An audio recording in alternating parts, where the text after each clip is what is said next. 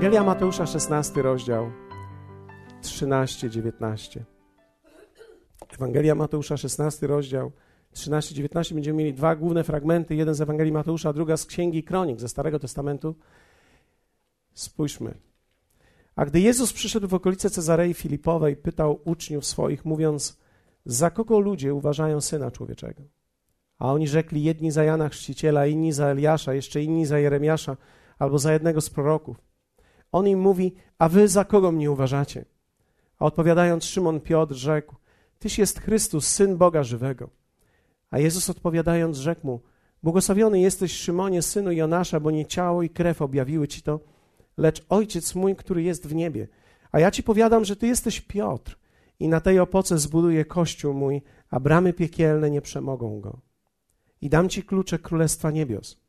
I cokolwiek zwiążesz na ziemi, będzie związane i w niebie, a cokolwiek rozwiążesz na ziemi, będzie rozwiązane i w niebie. Druga Kronik 9, 10, 11 czytamy. Również słudzy Hurama i słudzy Salomona, którzy sprowadzali złoto z Ofiru, przywozili drzewo sandałowe oraz drogie kamienie. Król kazał sporządzić z drzewa sandałowego schody w świątyni pańskiej i w pałacu królewskim oraz cytry i lutnie dla śpiewaków, takich jak te nie widziano przedtem w ziemi judzkiej.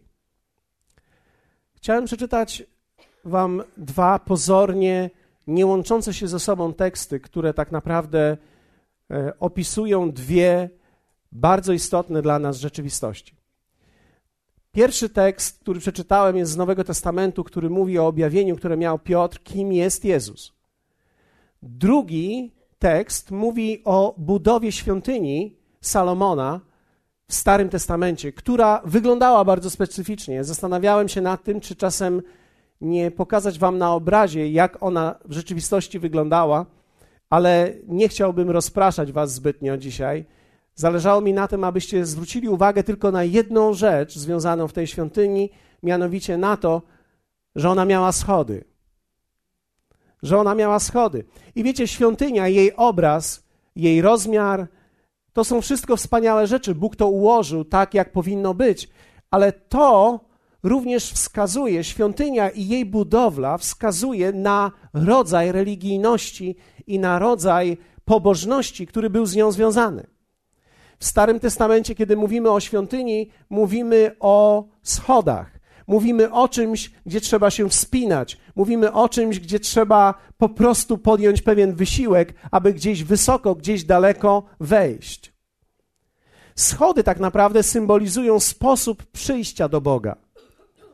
To jest podejście, które ma Stary Testament też i opisujący przez to ten obraz świątyni wskazuje, jakie jest podejście do Boga w Starym Testamencie. To jest wchodzenie po schodach. To jest pewnego rodzaju ciężar.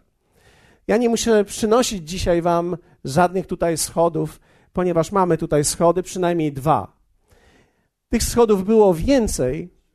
Nie będę może tłumaczył i wchodził w głęboką teologię, która jest za każdym obrazem w Starym Testamencie, ale mam nadzieję, że wystarczy, że sobie tylko wyobrazimy, że tych schodów jest wiele i że trzeba się wspinać, aby wejść do Boga.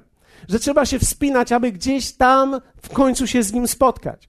W pewnym sensie, kiedy człowiek zaczyna tą podróż po schodach, to, co gdzieś tam jest, jest tam gdzieś zamknięty Bóg, który czeka na mnie.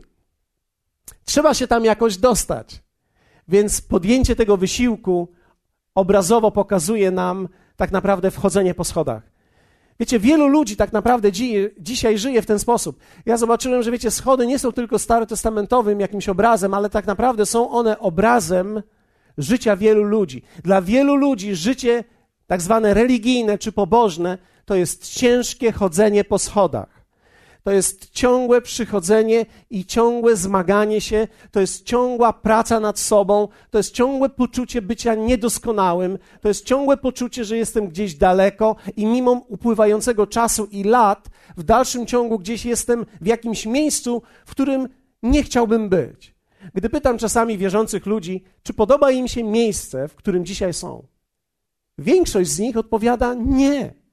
Nie chcę być w tym miejscu, w którym jestem. Chciałbym i powinienem być w zupełnie innym miejscu, powinienem być na zupełnie innym poziomie. Powinienem być zupełnie kimś innym niż jestem dzisiaj. I to pokazuje mi, że ta koncepcja myślenia w kategoriach schodów jest ciągle żywa. To nie jest kwestia tylko Starego Testamentu, to jest po prostu człowiek, który w swojej religijności chce się do Boga dostać. I to się okazuje czymś bardzo trudnym, straszliwie trudnym.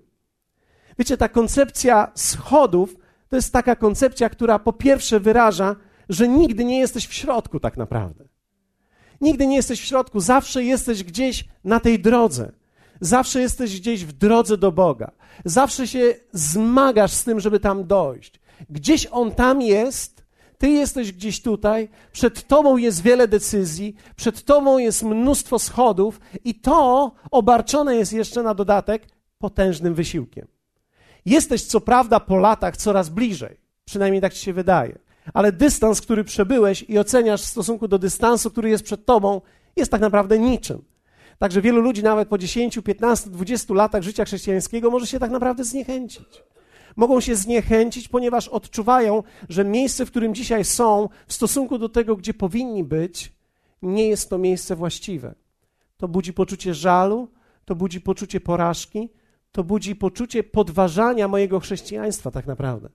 Zastanawiam się, czy tak naprawdę chrześcijaństwo jest możliwe, żeby nim żyć.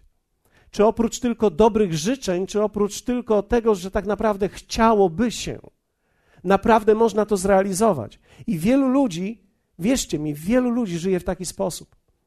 Drugą rzeczą to jest to, że ta koncepcja schodów wymaga od ciebie, od ciebie tak naprawdę ciągłego, olbrzymiego wysiłku. Poświęcasz się, aby osiągnąć doskonałość. To nie jest tylko i wyłącznie w jakichś religiach, to jest we wszystkich religiach. I tak naprawdę tu nie chodzi o jakąś denominację, o napiętnowanie kogokolwiek, dlatego że chrześcijanie z natury powinni szanować wszystkich ludzi, niezależnie od ich poglądów. Powinni szanować wszystkie kościoły, niezależnie od ich maści. Powinniśmy tak naprawdę szanować każdego człowieka, dlatego, dlatego że każdy człowiek jest w podróży. Jeśli to rozumiemy, każdy człowiek jest w podróży. Dlatego tak naprawdę chrześcijanie nie mają wrogów. Chrześcijanie nie mają ludzi, z którymi się kłócą. Dlatego, że jeśli się kłócę i zaczynam dyskutować, tak naprawdę nie rozumiem łaski Bożej, która przyprowadziła mnie do miejsca, w którym dzisiaj sam jestem. Tylko tak naprawdę rzucam kłody pod nogi tym, którzy próbują gdzieś wejść na tą górę, gdzieś wejść po tych schodach. Nie jestem w stanie wtedy im niczego wytłumaczyć.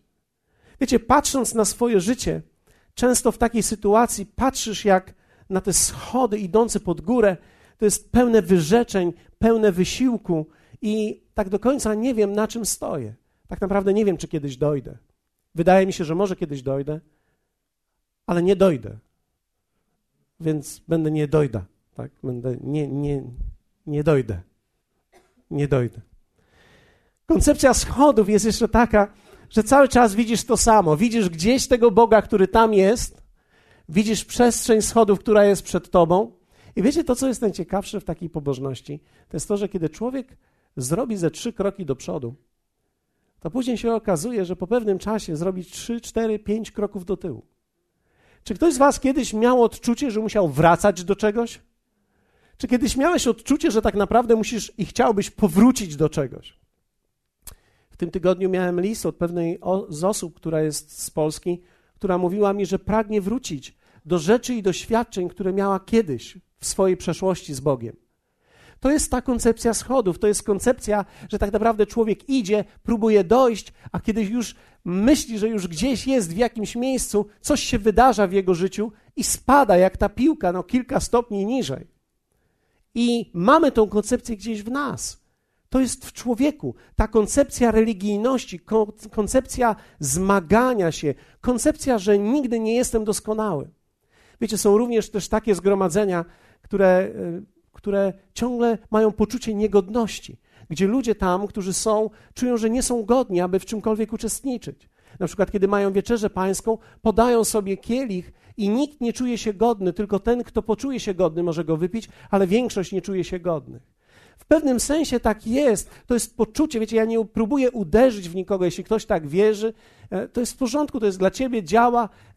Myślę, że to nie działa, ale, ale jeśli to dla ciebie działa, to jest w porządku. Ja nie chcę nikogo urażać, ale wiecie, to, co chciałbym dotknąć, to jest to, że tak naprawdę człowiek nosi w sobie non-stop to poczucie braku bycia godnym, braku bycia zaakceptowanym. Ciągle jestem gdzieś na tej drodze, nie doszedłem, to co widzę jest ciągle daleko przede mną, a jeszcze widzę, jak czasami ludzie, niektórzy wejdą jakiś kawałek i znowu spadają. I ta podróż jest tak naprawdę żadnym wejściem w cokolwiek, jest po prostu taką podróżą w górę, w dół, w górę, w dół, w górę, w dół, mając nadzieję, że jak w końcu umrę, to może się tam docisnę. Fakt jest tylko taki, że te drzwi są zamknięte i że to wcale nie było tak prosto wejść. Dopiero tak naprawdę Dawid objawił w Starym Testamencie to, jak to powinno wyglądać, gdzie pokazał świątynię jako miejsce, gdzie tak naprawdę zbudował ją z namiotów i postawił na górze i otworzył wszystkie zasłony, tak że wszyscy ludzie mogli wejść i widzieć i dotrzeć do tego miejsca i korzystać z tego miejsca. Wiecie, takie życie jednak na schodach jest bardzo trudne, dlatego dzisiaj tytuł ten, który chciałbym dzisiaj jakby nadać temu, co mówię, to są schody czy klucze. Schody czy klucze. Kiedy patrzę na tą religijność, e, wiecie, e, słowo religijny u nas ma bardzo pozytywny e, charakter. Więc kiedy mówimy, że człowiek jest religijny, mówimy, że to jest coś bardzo pozytywnego, człowiek pobożny, religijny. Ale religijność niesie w sobie również pewną negatywną rzecz. To jest to jest coś takiego, że człowiek może stać się w tej swojej religijności tak naprawdę mechaniczny. Mechaniczny niezależnie od tego, w jakim kościele jest. Niektórzy myślą, o, jakbyś był w wodzie życia, nie staniesz się mechaniczny. Staniesz się. Jeśli nie będziesz uważał, staniesz się w wodzie życia mechaniczny. Nauczysz się właściwych słów, nauczysz się właściwych gestów, nauczysz się, będziesz wiedział, jak to się robi i wszystkim pokażesz, bo wiecie, my bardzo jesteśmy ludźmi, którzy obserwują i bardzo łatwo jesteśmy w stanie się nauczyć poprawności. Poprawności, więc już stajemy się poprawni, wiemy jak to działa, wiemy już co powiedzieć, żeby było dobrze, ale tak naprawdę serce jest gdzieś daleko. W naszej koncepcji z Bogiem w dalszym ciągu jesteśmy na schodach. I ta religijność, która jest tylko pewnego rodzaju uczynkowością i pewnego rodzaju tylko i wyłącznie takim zmaganiem się jest możliwa dla każdego człowieka, nawet tutaj, w tym miejscu. To jest możliwe, wierzcie mi. To wcale nie jest daleko od człowieka. Dawid w Psalmie 25 mówi tak o takim miejscu w swoim życiu. Oczy moje zawsze patrzą na Pana. Inaczej mówiąc, mam świątynię przed sobą gdzieś tam. Bo On wyswobadza z sieci nogi moje. Zwróć się ku mnie i zmiłuj się nade mną, bom jest samotny i ubogi. Jestem samotny i ubogi i dalej ulżyj udręce serca mojego, wyzwól mnie z utrapień moich, wejrzy na nędzę i mozuł mój. I odpuść wszystkie grzechy moje. Inaczej mówiąc, wejrzy na moją nędzę. Wejrzy na moją nędzę, wejrzy na mój mozuł, wejrzy na to, że się zmagam, że tak naprawdę moje życie z Bogiem jest ciągłym zmaganiem się, jest ciągłą walką, jest ciągle czymś, co tak naprawdę jakby próbuję, ale nie mogę zaskoczyć. Ja widzę to czasami, jak ludzie przychodzą tutaj. Wpadają tutaj, sprawdzają, próbują Boga, próbują Kościół, próbują nas. Czy to jest prawdziwe? Czy oni dosypują coś tym ludziom do kawy, że są jacyś radośni? Wiecie, są różne rzeczy, słyszeliśmy różne, różne kwestie już. Czy może oni tutaj w klimatyzacji puszczają coś? Że ci ludzie się jakoś uśmiechają? Widzisz, tu nie chodzi o to, żeby się nauczyć uśmiechać. Tu chodzi o to, żeby mieć prawdziwą radość. Chodzi o to, aby odkryć, że tak naprawdę życie na schodach to jest takie życie bezdomne. To jest takie życie puste. To jest jednak życie w ciągłym zmaganiu się i w ciągłym stresie, w ciągłej trudności. I wielu ludzi tak żyje. Ja nie wiem, jak wygląda Twoja relacja z Nim, ale wielu ludzi tak naprawdę żyje z dala, ciągle gdzieś będąc na tej drodze. Dobrze. Jaki obraz pokazuje Jezus Piotrowi? Wyjątkowy obraz. Spójrzcie na niego. Pamiętacie ten tekst, który mówiliśmy? Ja przeczytam tylko od wersetu 17. A Jezus odpowiadając rzekł mu, błogosławiony jesteś Szymonie, synu Jonasza, bo nie ciało i krew objawiły ci to, lecz Ojciec mój, który jest w niebie. A ja ci powiadam, że ty jesteś Piotr i na tej opoce zbuduję kościół mój, a bramy piekielne nie przemogą go. I teraz werset 19 mówi tak. I dam ci klucze. I dam ci klucze. I dam ci klucze. I dam ci klucze. I dam ci klucze. I dam ci klucze. Dam ci klucze. Nie patrzmy tylko i wyłącznie na te słowa Królestwa Niebios, bo one czasami powodują, że człowiek, kiedy przeczyta Królestwa Niebios, za chwilę odlatuje. Pomyślcie chwilę o kluczach. Czy ktoś z Was ma klucze? Kto z Was ma przy sobie klucze? No, Artur musi mieć klucze. Artur ma klucze. Artur jest klucznikiem tu w kościele. Przedzwoń wszystkimi kluczami. To jest Artur. Kiedy słyszycie to, to Artur idzie. Myślę, że w niebie będzie, będzie klucznikiem. Będzie uwolniony od kluczy. On w końcu modli się, żeby być uwolniony od kluczy, tak. Kto z was ma przy sobie klucze? Wiecie, klucze są czymś bardzo praktycznym. Jezus mówi, ja dam ci klucze. Dam ci klucze, dam ci klucze, dam ci klucze, dam ci klucze, dam ci klucze. Dam ci klucze. I teraz Królestwa Niebios. Oczywiście to słowo królestwo to jest greckie słowo bazylea, które mówi obszar. Dam ci klucze do obszaru i kiedy mówimy słowo niebios, wiem, że nie, większość z nas ma na myśli kolor, kolor niebieski wtedy. Dam ci klucze e, niebieskie do, do czegoś tam jeszcze. Nie, tu nie chodzi o, o niebios na zasadzie gdzieś tam, ale dam ci klucze do obszaru, w którym ja jestem. Dam ci klucze do obszaru, w którym jest wszystko to, czego ty potrzebujesz. Dam ci klucze, dam ci klucze do tego wszystkiego, co ty potrzebujesz. Wiecie, Jezus przychodząc na ziemię zmienił dokładnie, całkowicie tą koncepcję schodów. Jezus, kiedy przyszedł na ziemię, powiedział: Teraz od tej pory schodów już nie będzie. Nie będzie już więcej zmagania się, nie będzie już więcej wchodzenia po schodach, nie będziesz musiał już więcej przeżywać cierpienia i katuszy poświęcenia, żeby dostać się do Boga.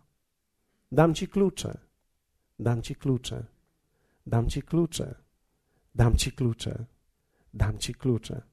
I cokolwiek zwiążesz na ziemi, będzie związane i w niebie, a cokolwiek rozwiążesz na ziemi, będzie rozwiązane i w niebie. Większość ludzi traktuje ten tekst jako tekst małżeński. Czyli kiedy małżonkowie przychodzą, to zawiązujemy im cokolwiek im zawiązujemy na ręce, i to oznacza, że kiedy my zawiążemy, to będzie już zawiązane, a kiedy my to rozwiążemy, to będzie rozwiązane. No i dlatego wszyscy się tego boją. Wszyscy się tego boją i mówią tak, to ja ślubu nie chcę, bo jak to ma być jeszcze związane w niebie, to ja z tym poczekam. Ja się do chłopa wprowadzę, my sobie pożyjemy i wtedy zdecydujemy, czy mamy się związać, czy nie, czy niebo ma wtedy podjąć jakąś reakcję, czy też nie. Bo nam się wydaje, że jak się wprowadzimy do siebie, to niebo niczego nie zawiązało, więc jesteśmy w, w stanie w tym momencie zmienić adres, zmienić gościa, a niebo, w niebie mamy czystą kartę wtedy, bo w niebie nic nie jest zawiązane. A jak się już zwiążesz, no to wtedy już koniec. Wiecie, nie rozumiemy koncepcji. Tak naprawdę to jest folklor polski. Myśmy tylko na tym byli wychowani, dlatego nie rozumiemy tego. Dlatego, że Jezus mówił do apostoła Piotra o czymś o wiele większym, o czymś o wiele silniejszym, o czymś o wiele mocniejszym niż tylko i wyłącznie o ślubie. Ani nie mówił tylko też o przebaczeniu grzechów, że teraz jak ja tobie przebaczę, to ci będzie przebaczone, jak ci nie przebaczę, no to niebo ci też nie przebaczy. Coś więcej mówił. On powiedział o tym, że tak naprawdę twoja, twoje działanie tutaj będzie miało efekt w tym miejscu, w którym ja jestem.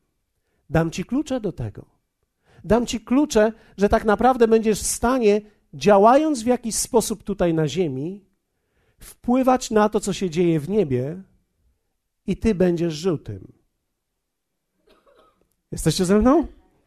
Jaka jest ta różnica? Pierwsze, różnica pomiędzy kluczami a schodami jest olbrzymia. To jest taka różnica jak pomiędzy Starym Testamentem a Nowym Testamentem. Po pierwsze, wchodzisz w to momentalnie. Zwróćcie uwagę, kiedy człowiek ma klucze. Artur, czy ja mogę pożyczyć Twoje klucze? Nie wziąłem dzisiaj dużego klucza. Mam tutaj klucze.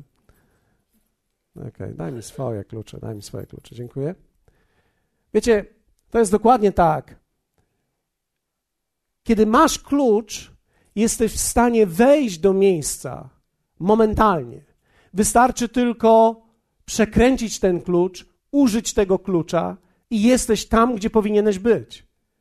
Wiecie, koncepcja schodów pokazuje nam, że to jest nigdy niekończąca się historia. Wejdziesz trzy, spadniesz cztery. Znowu wchodzisz przez parę lat na pięć i znowu spadasz. W momencie, kiedy masz klucz, wchodzisz tam w jednej chwili. Jesteś tam momentalnie. To jest królestwo, które jest bliskie. To jest blisko ciebie. To oznacza, że wiecie, to co Jezus mówił, że jeśli to jest tylko klucz, którego ja potrzebuję, to znaczy, że to, czego ja potrzebuję, jest bardzo blisko mnie. To nie jest daleko, to nie jest wysoko, to jest blisko. Powiedzmy, niedaleko, nie wysoko, blisko. Jezus to mówił, blisko. I Izajasz również miał przebłysk proroczy w tym, kiedy mówił, powiedział coś takiego: Szukajcie Pana, dopóki można go znaleźć, wzywajcie go, dopóki jest blisko. Dopóki jest blisko. Inaczej mówiąc, nie jest gdzieś tam zamknięty w świątyni, nie są te rzeczy, które ja potrzebuję w moim życiu daleko.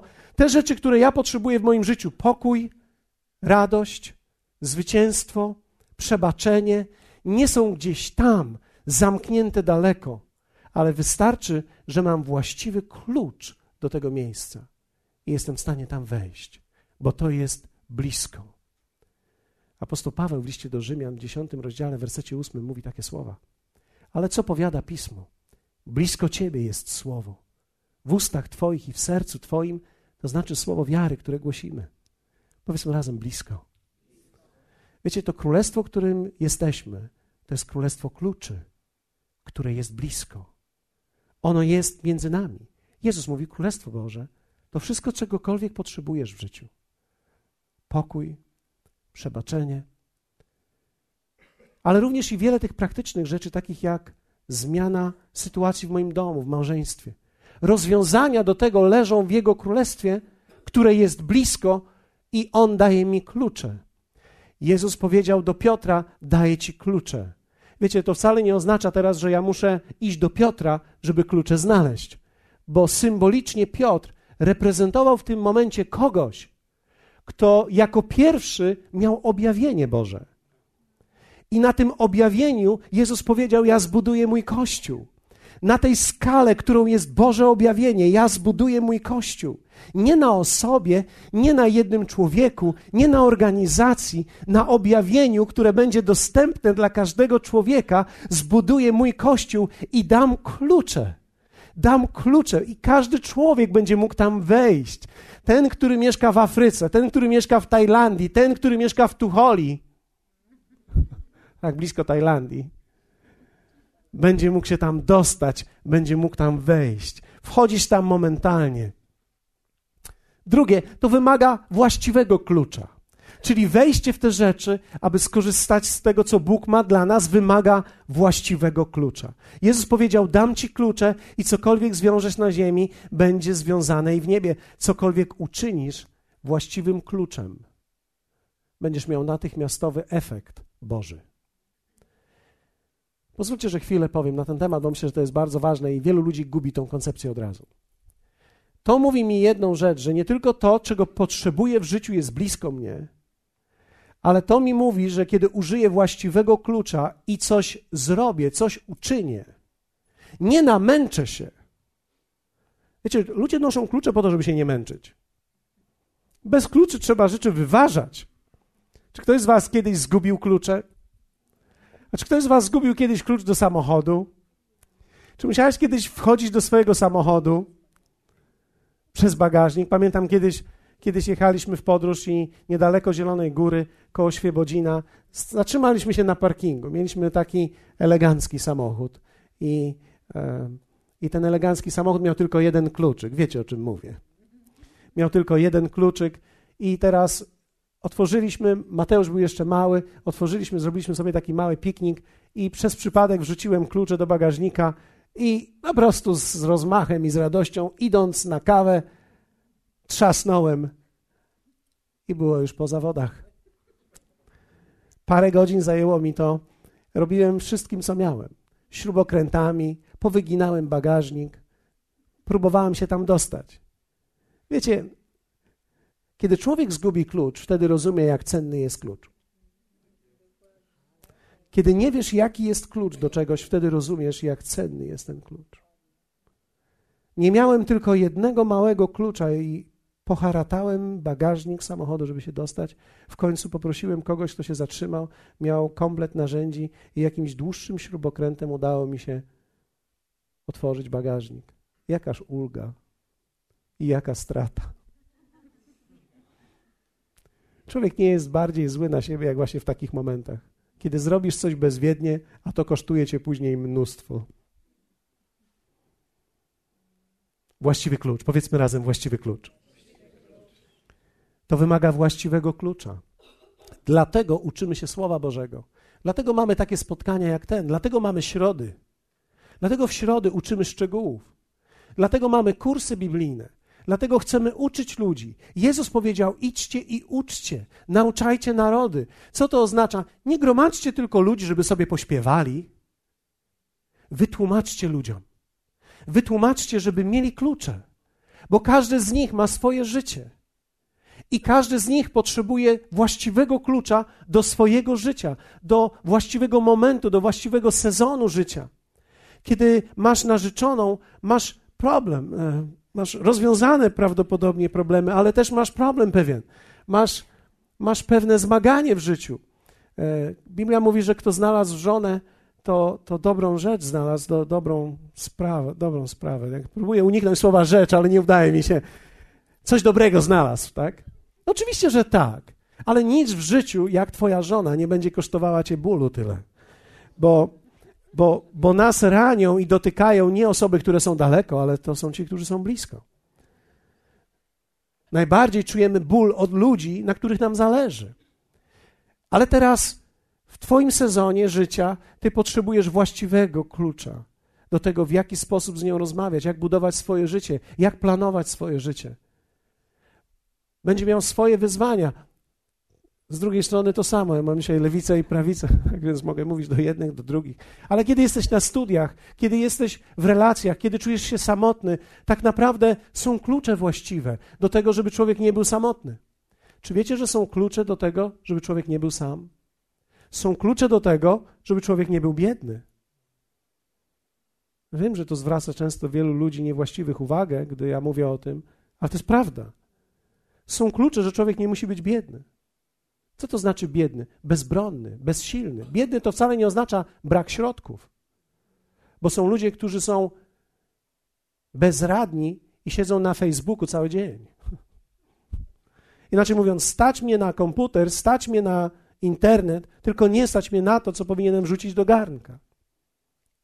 Powiedzmy, właściwy klucz. Właściwy klucz do relacji z, z moimi współpracownikami właściwy klucz. Wiecie, to słowo nie jest skomplikowane. Bóg umieścił tutaj tyle ksiąg nie po to, żeby skomplikować nasze życie, ale po to, żeby dać nam klucze. Abyśmy odnaleźli te klucze i abyśmy mogli żyć życiem zwycięskim. Powiedzmy, blisko Ciebie jest słowo. I ostatnia rzecz, która jest bardzo istotna. Wiecie, to wymaga niewielkiego klucza. Jezus wcale nie mówił, dam Ci wielkie klucze, skomplikowane zamki. Niewielki klucz. Wiecie, to jest królestwo, to ja kocham to królestwo. To jest królestwo niewielkich rzeczy, małych rzeczy. Czy wiecie, że większość ludzi myśli, że żeby dokonać wielkiej zmiany w życiu trzeba podjąć olbrzymie decyzje? Tak nie jest. Żeby dokonać wielkich zmian wystarczy zrobić małe decyzje, podjąć małe decyzje. Nie wielkie decyzje. Małe decyzje zmieniają życie. To są malutkie rzeczy, to jest królestwo małych rzeczy. Powiedzmy razem, królestwo małych rzeczy. Wiecie, chciałbym, żebyście utrwali to sobie. Jeśli oglądasz nas teraz, powiedz to sobie, to jest królestwo małych rzeczy. To jest królestwo małych rzeczy. Bardzo małych rzeczy. Nam się wydaje, że potrzebujemy wielkich rzeczy. A to są małe rzeczy. Ludzie popełniają błąd. Myślą, że trzeba się wspinać długo i nigdy tam nie dojdą, a to trzeba małą rzecz, żeby zmienić coś w życiu. Wiecie, że Biblia mówi o tym, że są małe słowa? Wystarczy małe słowo. Jezus mówi: blisko ciebie jest słowo. Blisko ciebie jest słowo. I ile jest, jak, jak duże jest słowo? Zwróćcie uwagę, jak my wypowiadamy mnóstwo słów w ciągu dnia. Tymczasem apostoł Paweł mówi: Blisko ciebie jest słowo w twoim sercu i na twoich ustach. Słowo wiary, słowo zbawienia. Ile trzeba, żeby człowiek był zbawiony? Jedno słowo? Dwa wyrazy może? Trzy, może sentencja wyrażająca to, co ma w sercu. Wiecie, że jedno zdanie wypowiedziane z wiarą to jest klucz, który otwiera całe niebo dla człowieka. Jak ja się cieszę, że Bóg to tak wszystko uprościł. Jak ja się cieszę, że nie muszę wchodzić po schodach dzisiaj. Jak ja się cieszę, że ktoś mi o tym kluczu powiedział. Że teraz nagle ja nie muszę się modlić 300 lat, no nie mam 300 i nie przeżyję 300, ale 3 lata, żeby w końcu Boga zobaczyć, żeby w końcu z Nim być, żeby mi przebaczył. Nie, wystarczy, że powiem tylko jedną krótką linijkę. Panie, wierzę w Ciebie, oddaję Ci swoje życie, przyjdź do mnie. Bum! Klucz malutki zadziałał. Malutki klucz, malutkie słowo. Niektórzy ludzie mówią, potrzeba jest wielkiej wiary. O, potrzeba wielkiej wiary. Wielkiej wiary potrzeba na to, żeby być uzdrowionym, jeśli chodzi o kręgosłup albo z raka. Potrzeba wielkiej wiary. Mała wiara, mała wiara potrzebna jest do grypy, a duża wiara potrzebna jest do raka. Więc my cały czas do wszystkiego przykładamy koncepcję schodów, tak? Więc tutaj leczymy grypę, a tam, jak już dojdziemy, to będziemy leczyć raka. Więc to chce uleczyć raka. No nikt nie chce, bo wszyscy się czują na tym pierwszym schodku, tak? Więc ja się mogę pomodlić o ewentualnie twoją temperaturę, żeby ci spadła ze 3 stopnie. Tak? Prawdopodobnie jak się zacznę o ciebie modlić, zbladniesz i spadnie ci temperatura o 3 stopnie. Nie będzie może zbyt wielkiego efektu, ale wiecie, kiedy myślimy o wielkich rzeczach, myślimy o wielkiej wiarze, wierze, tymczasem Jezus powiedział, potrzebujesz małej wiary. Uczniowie tak myśleli, że potrzeba wielkiej wiary w tym królestwie. Tymczasem to jest mała wiara. Jest mówi, wystarczy wiara tak duża jak ziarnko gorczycy. To wystarczy. Mała wiara. Mała wiara. Nie trzeba wielkiej wiary, nie trzeba wielkich sentencji, żeby przyjść do Boga. Wystarczy właściwe słowa użyć i jesteś z Nim razem, a On jest w tobie. Czy to nie jest niesamowite? Że człowiek potrafi, człowiek poinstruowany użyje właściwego klucza i nagle będzie razem z Panem. Wystarczy nagle mała wiara, żeby dokonać wielkiej rzeczy. To mała wiara uzdrawia z raka. Wystarczy małą wiarę. Niewielką. Czy wiecie, że najczęściej, najczęściej uzdrawiani są z raka ci, którzy dopiero co zaczęli chrześcijańskie życie. I nikt im nie powiedział, że trzeba dużej wiary. Tylko im powiedzieli, że wystarczy się pomodlić. Więc oni przyszli do Boga i tak troszkę nieumiejętnie Panie Jezu, nasze słonko, pobłogosław to jedzonko. I przy okazji jeszcze, Panie Jezu, a chory jestem i zostało mi 30 dni. Jakbyś to przedłużył, Panie, to bym się bardzo cieszył. I, i wiecie, ta mała wiara nagle działa. Mieliśmy wiele przypadków, kiedy człowiek idzie wtedy do lekarza i się nagle okazuje, że robili mu jeszcze raz prześwietlenie i wszystko dobrze jest. A są tacy, którzy 20 lat z Chrystusem po schodach chodzą i myślą sobie, no nie, no teraz to już mnie trafiło naprawdę. Naprawdę, teraz mam problemy z wątrobą. Ja wiem, że to jest po tych moich przejściach, ale mam problemy z wątrobą i teraz jak ja z tego wyjdę? Myślą, że potrzebują dużej wiary, że muszą jeszcze wejść na kolejne schody, że, bo stamtąd dopiero będą w stanie coś zrobić. Nie, wystarczy mała wiara, mały klucz. Niektórzy ludzie myślą, że trzeba szerokiej drogi do królestwa. Wiecie, pamiętacie tą, tą przypowieść o wąskiej drodze i o szerokiej drodze? Ja ją trochę widzę inaczej niż wszyscy ludzie. Jeśli myślisz, że jestem dziwny, okej. Okay. Moja żona też tak czasami myśli. Mam nadzieję, że twoja również. O tobie. Czy ktoś z was kiedyś słyszał, że jest dziwny? Więc kiedy ja czasami czytam, no z wyjątkiem Artura oczywiście i jego żony, oni są tak poukładani, jak klocki Lego przed rozpakowaniem. Większość z nas, jednak normalnych ludzi, my jesteśmy jak klocki Lego wstrząśnięte.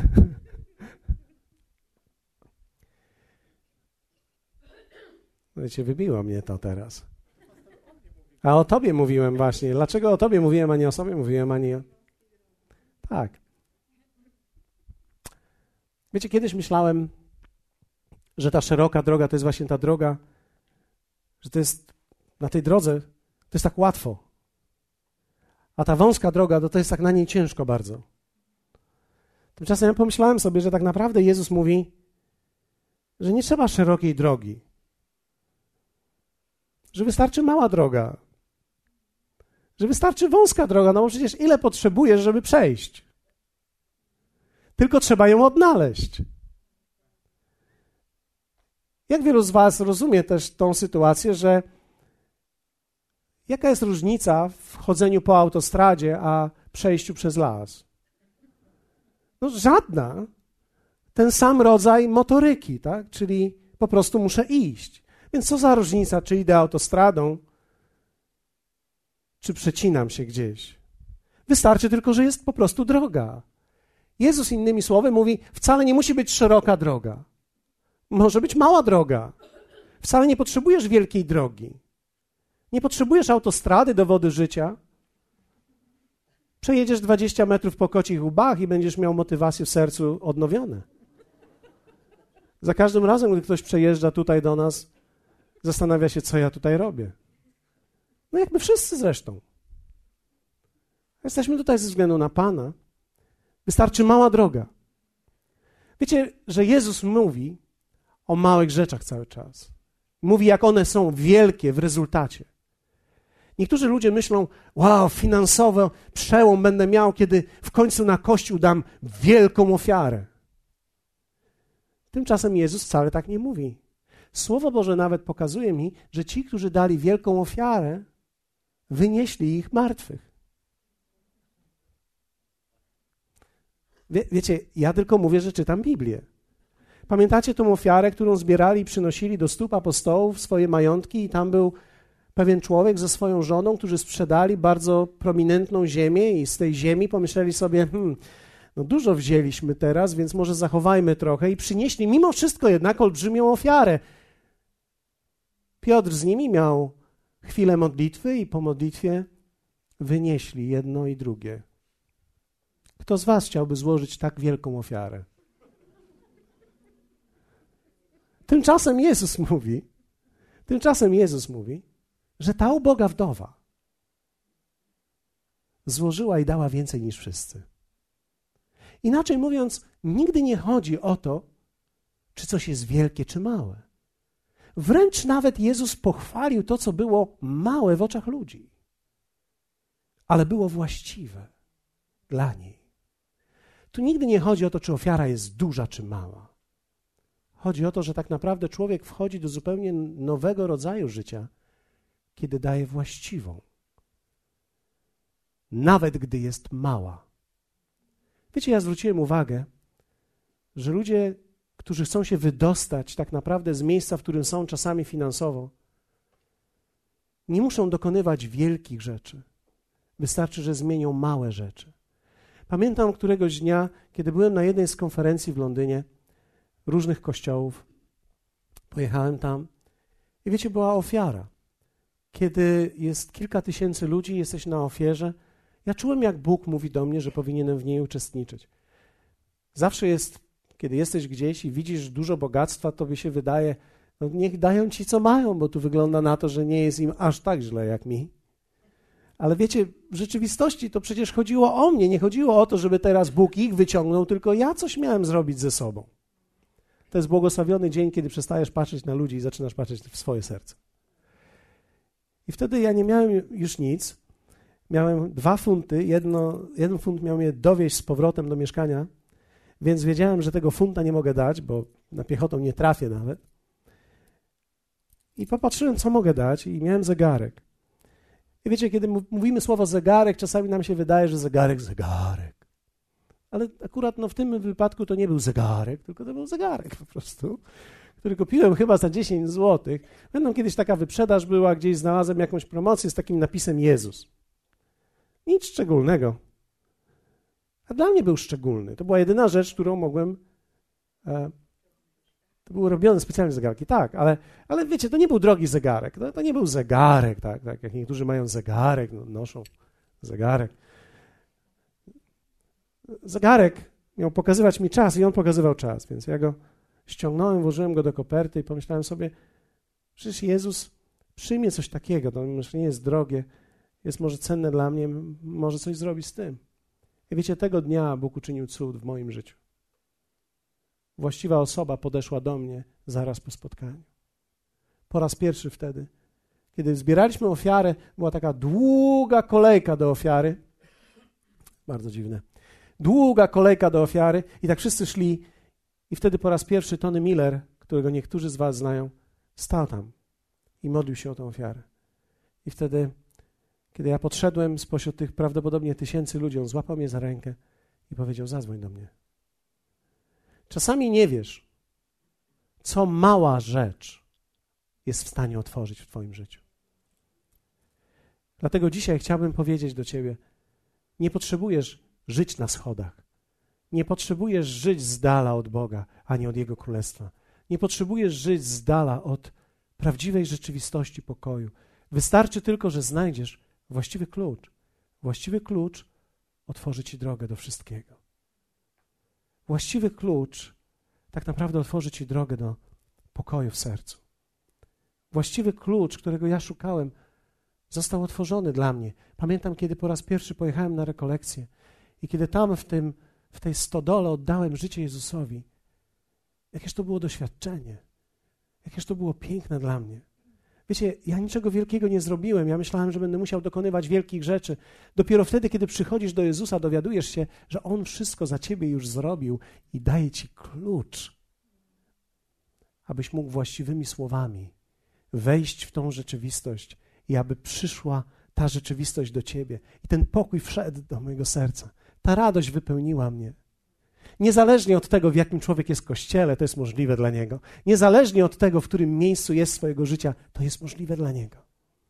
To jest takie piękne. Wcale nie potrzebujesz wielkich rzeczy, wielkiego zmagania się. Teraz muszę się przeciskać. Moje chrześcijańskie życie to teraz będzie ciężka podróż. Mam tyle do zmiany. Posłuchaj. Życie człowieka zmienia się, kiedy używa właściwego klucza i wchodzi właściwymi drzwiami. I kiedy używasz właściwego klucza, to jest to, co Jezus obiecuje swojemu Kościołowi, obiecuje Tobie, obiecał to Piotrowi i obiecał to wszystkim nam. Dlatego dzisiejszego dnia pomyślałem sobie, przyjdę do Was i powiem Wam, to jest dobra nowina dla nas wszystkich. To jest bardzo dobra nowina, że nie musimy się zmagać, nie musimy się męczyć. Musimy tylko znaleźć. Dlatego Jezus mówił dużo na temat poszukiwania. Mówił: szukajcie, słuchajcie. Kto ma uszy do słuchania, niechaj słucha. Dlatego jest tak trudno, kiedy człowiek zamyka oczy na spotkaniu, bo do drugiej oglądał albo grał w gry. To trudno jest, kiedy staniesz przed rzeczywistością życia, wtedy znaleźć właściwy klucz.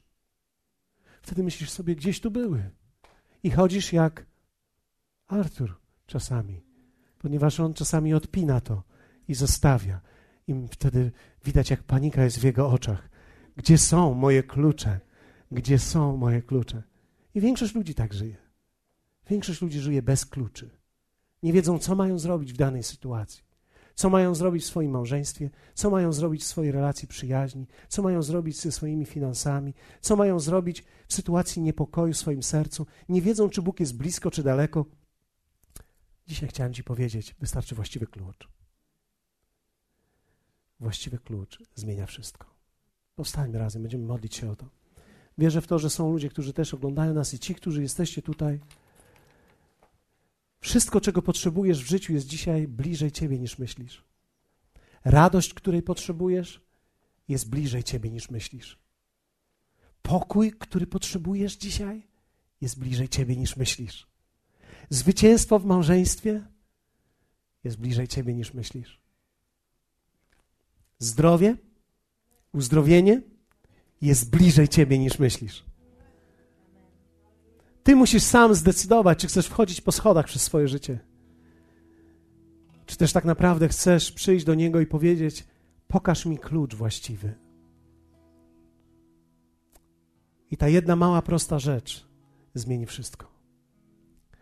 Nie wiem, jaka jest Twoja sytuacja dzisiaj w Twoim życiu. Nie wiem, z czym się zmagasz i co tak naprawdę próbujesz zmienić i zrobić. Ale chcę Ci powiedzieć dokładnie to, co powiedział Izajasz. W pewnym momencie, kiedy zaczął prorokować, powiedział: Szukajcie Pana, dopóki jest blisko. Bo On jest tutaj. Wiecie, to, co Jezus nam powiedział: Nie zostawię Was sierotami, będę z Wami. I to, czego możemy być pewni tutaj też w tym miejscu, wiemy, już jesteśmy tego świadomi, większość z nas przynajmniej, że On jest tutaj razem z nami dzisiaj. I On chce dać Tobie klucz. Tak jak powiedział do Piotra, i dam Ci klucze. Tak też mówi dzisiaj do Ciebie, dam Ci klucze. Dam Ci klucz do tego wszystkiego, czego Ty potrzebujesz w życiu. Potrzebujesz tylko jednego właściwego klucza.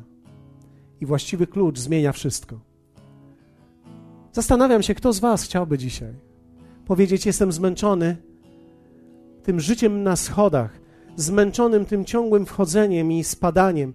Jestem zmęczony tym, że nigdy mi się nie udaje dojść do końca. I chciałbym, potrzebuję tego małego klucza, aby zmienić coś w swoim życiu. Jeśli jesteś dzisiaj tutaj, chciałbym, żebyś na moment podniósł swoją dłoń i powiedział: Ja chciałbym. Mówisz to mi, ale też przede wszystkim Bogu. Powiedz: Ja chciałbym. Powiedz: Panie, chciałbym.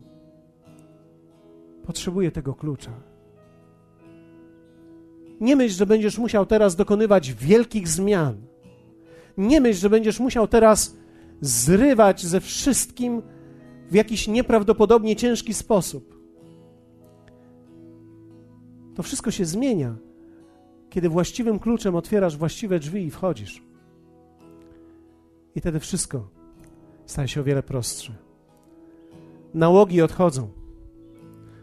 Porządliwość wycisza się w nas. Ja nie chcę powiedzieć, że ona nie powstanie, ale ona wycisza się w nas. Oddychasz zupełnie nową atmosferą. Uzdrowienie tam jest. Pokój tam jest. Kto z Was pragnie tego? Jeszcze raz podnieśmy nasze ręce. Ci, którzy chcą tego. Ok, trzymajcie je w górze. I powiemy dzisiaj do Niego. Powiemy dzisiaj do Niego, że potrzebujemy tego klucza. My nie wyciągamy rąk, bo On jest daleko. My wyciągamy ręce w znaku poddania i w znaku uwielbienia. My mówimy dzisiaj pragniemy, Panie, tego właściwego, jednego małego klucza. Dzisiaj chcemy tego małego klucza, który jest w stanie zmienić wszystko w moim życiu. Ten mały klucz. Jeśli nigdy nie oddałeś życia Jezusowi i nigdy nie czułeś się blisko Niego, nie potrzebujesz najpierw dokonać wielkich zmian i dopiero do Niego przyjść.